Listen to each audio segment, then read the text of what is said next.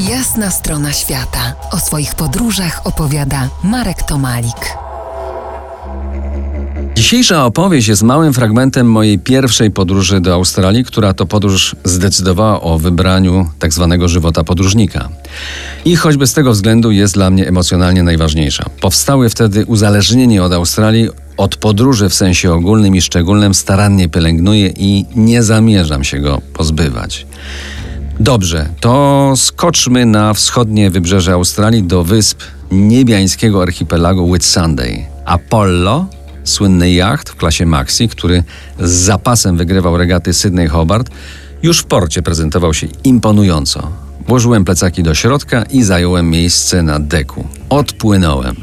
Po wyjściu z portu załoga postawiła grota, czyli ten większy z żagli, i po 20 minutach dotarliśmy do pierwszej, najbliżej lądu Long Island. Czym jest Whitsunday? To podzwrotnikowa kraina 74 wyzierających z wody ku słońcu pokrytych lasem deszczowym pagórów, znaczy wysp.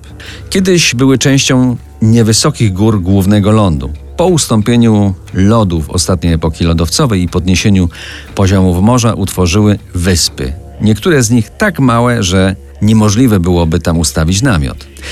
Z wyjątkiem kilku zaturyszczonych, wszystkie pozostałe pozostają bezludne. Prowokują i zapraszają, ale jednocześnie wydają się groźne, tajemniczo domknięte bujną, soczystą roślinnością, spadającą ze skał niemal wprost do oceanu.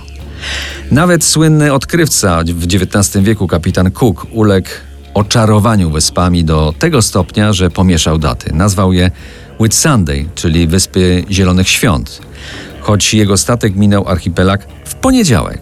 Wszystko za sprawą zmiany linii dat, którą James Cook przekroczył, lecz ją przeoczył.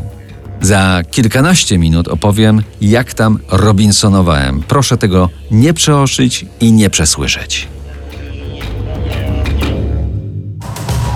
To jest jasna strona świata w RMS Classic.